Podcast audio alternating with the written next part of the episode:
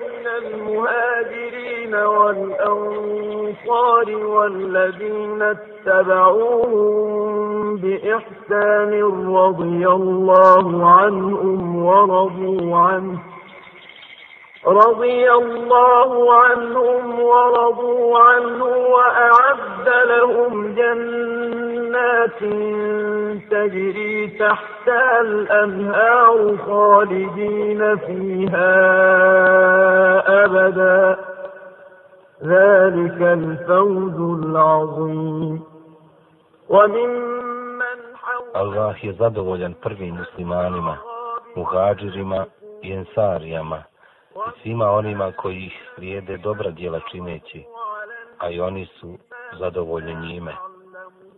Za njih je on pripremio dženevske bašče kroz koje će rijeke teći i oni će vječno i zauvijek u njima boraviti. To je veliki uspjeh.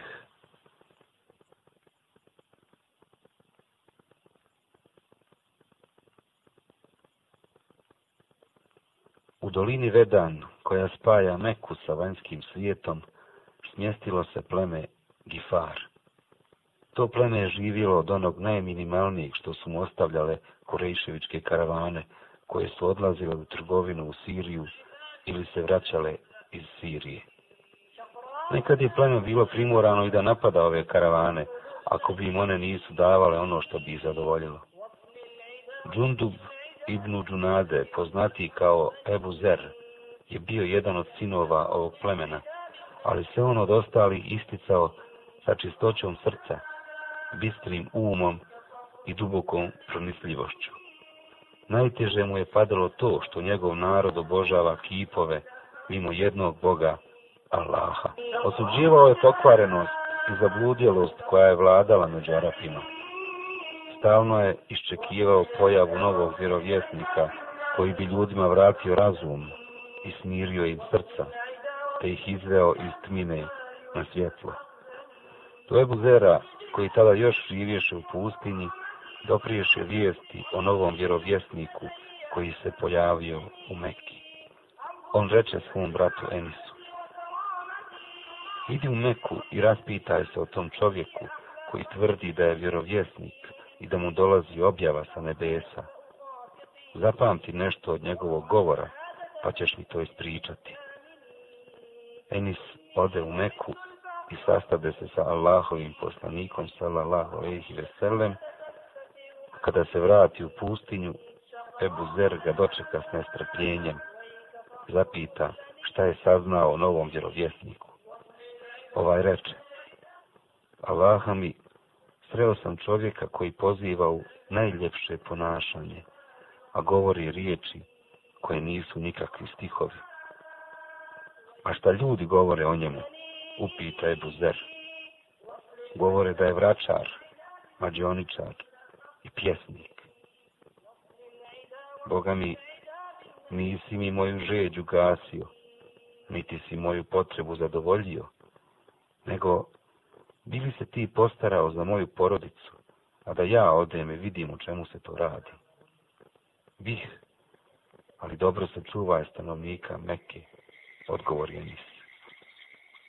Ebu Zer se opremi za put, ponese sa sobom malu posudu za vodu i uputi se u pravicu Mekke, kako bi se susreo sa vjerovjesnikom nešto više o njemu saznao. Stiže u Meku, strahujući od njenih stanovnika, jer je čuo kako su korejiše ljute zbog svojih idola i kako su spremni da se osvete svakom ko bi samo pomislio da slijedi Muhammeda. Zbog toga nikog nije htio da pita za Muhammeda, jer nije mogao znati da li bi taj upitani bio njegov sljedbenik ili neprijatelj. Kada nastupi noć, on se pruži u mesčidu da tu prenoći. Pokraj njega najđe Ali ibn Ebi Talib, neka je Allah zadovoljan njime, pa vidjevši da je on strana, sreće mu, hajde kod nas čovječe. On ode i prenoći tu noć kod Alije, a ujutru uze svoj prtljak i posudu s vodom, pa se vrati u meščid, a da jedan drugog ništa ne upitaše. Ebu Zer provede i drugi dan, a da se ne upozna sa vjerovjesnikom. Kada se smrknu, on opet leže u mesčidu, a Alija ponovo naiđe, pa mu reče, pa zar čovjek još nije saznao za svoje boravište? Onda ga povede sa sobom, pa on i drugu noć prenoći kod njega. I opet jedan drugog ne zapita ništa. Treće noći Alija reče svom gostu. Hoćeš li mi reći šta te je dovelo u Meku? Ebu Zer reče. Ako mi daš obećanje da ćeš me uputiti na ono što tražim, reći ću ti.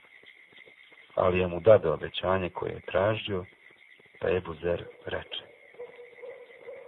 Došao sam u Meku iz dalekih krajeva, iz želje da se susretnem sa novim vjerovjesnikom i da čujem nešto od njegova govora. Lice Alije se ozari srećom dok je govorio.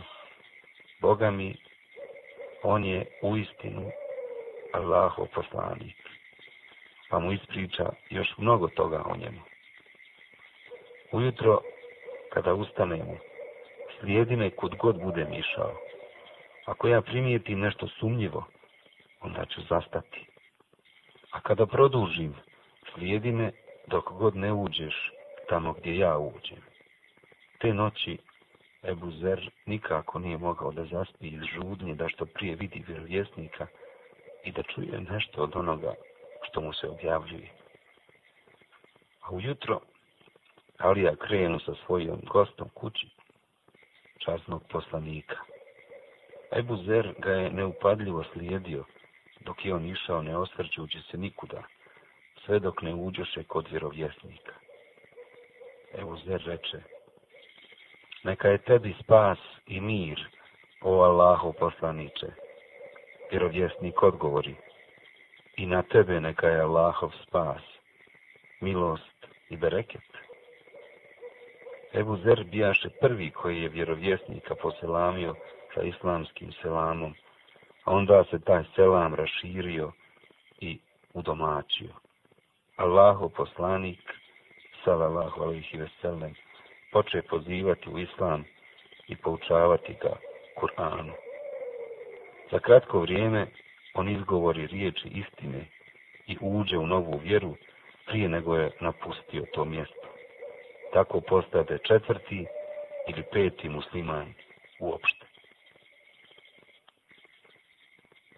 Dajmo riječ Ebu Zeru lično, neka nam on dalje ispriča šta je bilo. Ostao sam iza toga u Meki sa vjerovjesnikom koji me poučavao islamu, učio me poglavlja iz Kur'ana, a onda mi reče, nemoj nikom u Meki spomenuti da si prešao na islam, jer bojim se da te ne ubiju. Ja mu rekoh, tako mi onoga u čujoj ruci je moja duša, neću napustiti Meku sve dok ne odem u mesčit i pred svim korejšijama ne uzviknem riječi istine. Allahu poslanik na to ne reče ništa. Ja odoh u mesčit, a tamo bijah u okupljene korejšije, koji su sjedili u krugu. Stadoh u samu sredinu njih i na sav glas povikah. O skupino kurejšija, zaista ja svjedočim da je samo Allah Bog, da je Muhammed njegov poslanik. I samo što moje riječi dopriješe do njihovih ušiju, oni se zaprepastiše i poskakaše govoreći, držite tog otpadnika od vjere. Onda navališe na mene i počeše me tako tući, kako bi me usmrtili. U tome zgrabi Abbas ibn Abdul Mutalib, Amidža vjerovjesnikov, pa me zaštiti od njih govoreći im, teško vama. Hoćete li da ubijete čovjeka iz plemena Gifar, a vaše karavane uvijek prolazi pored njih? oni me onda ostaviše. Kada sam došao sebi, odoh Allahovom poslaniku, sallallahu alaihi veselem, pa vidjevši me, on upita. Pa zar ti nisam zabranio da obznanjuješ svoj prelazak na islam? Ja mu rekoh, o vjerovjesniče, imao sam neku potrebu u duši, a sada sam je zadovoljio. On mi reče, idi svom narodu, i ispričaj im svemu što si vidio i čuo. poziva ih Allahu, jer možda će Allah dati da im ti budeš od koristi, a i ti bi u tom slučaju imao veliku nagradu. Kada čuješ da sam ja ojačao, onda mi dođi. Ja odoh i stigoh u područje svoga plemena. Srete me moj brat Enis koji me upita, šta si uradio? Ja mu odgovorih, uradio sam to što sam primio islam i posvjedočio istinitost vjerovjesnika.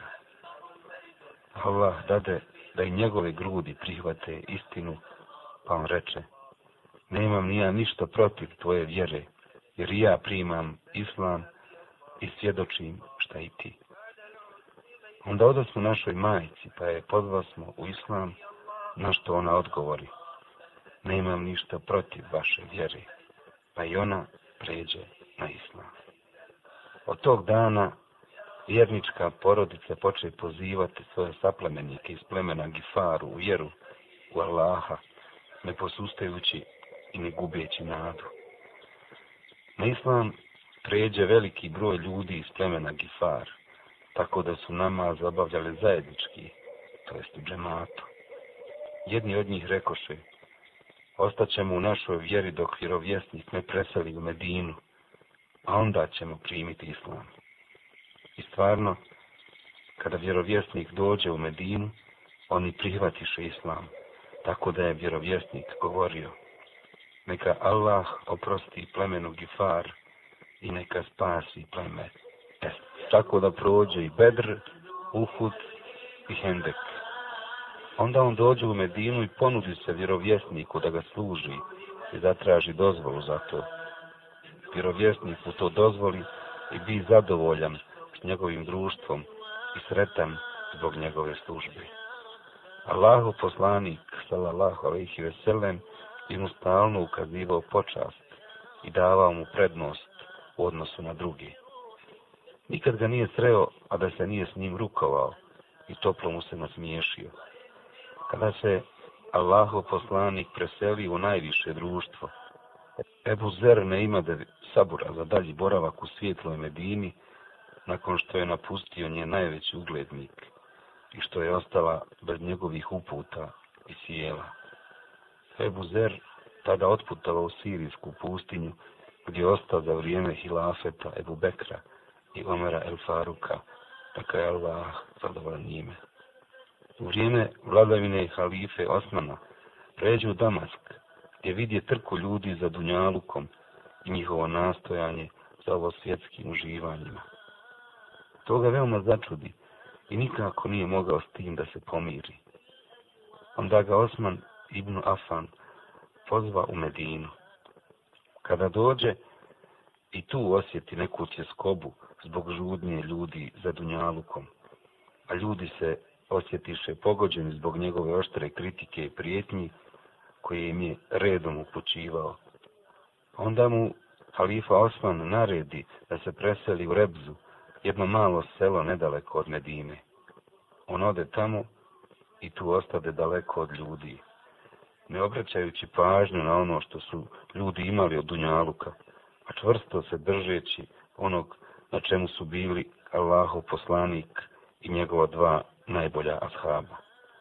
Bilo je to davanje prednosti onom što je vječno, to jest ahiretu, u odnosu na ono što je prolazno, to jest dunjalu. Jedan put neki čovjek dođe kod Ebu Zera, a poče da razgleda na sve strane ne vidiš u kući nikakve hrane, niti pokućstva. On upita, o Ebu Zerde, gdje su vam stvari i hrana? Imamo mi drugu kuću, odgovori Ebu Zer, misleći na Ahiret.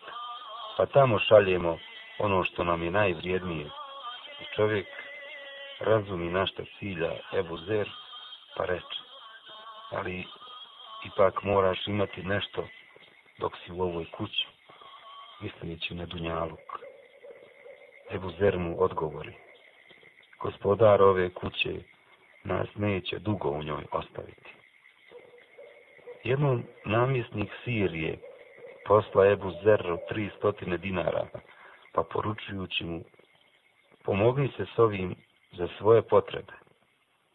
On mu vrati pare govoreći. Zar namjesnik Sirije nije našao nikog ko je za njega bjedniji od mene? A 32. godine po Hidžri ruka sudbine zadesi i pobožnog asketu za kojeg je Allahu poslanik sallallahu alaihi veselem rekao niti je zemlja nosila niti je nebo prekrivalo iskrenijeg čovjeka od Ebu Zerra.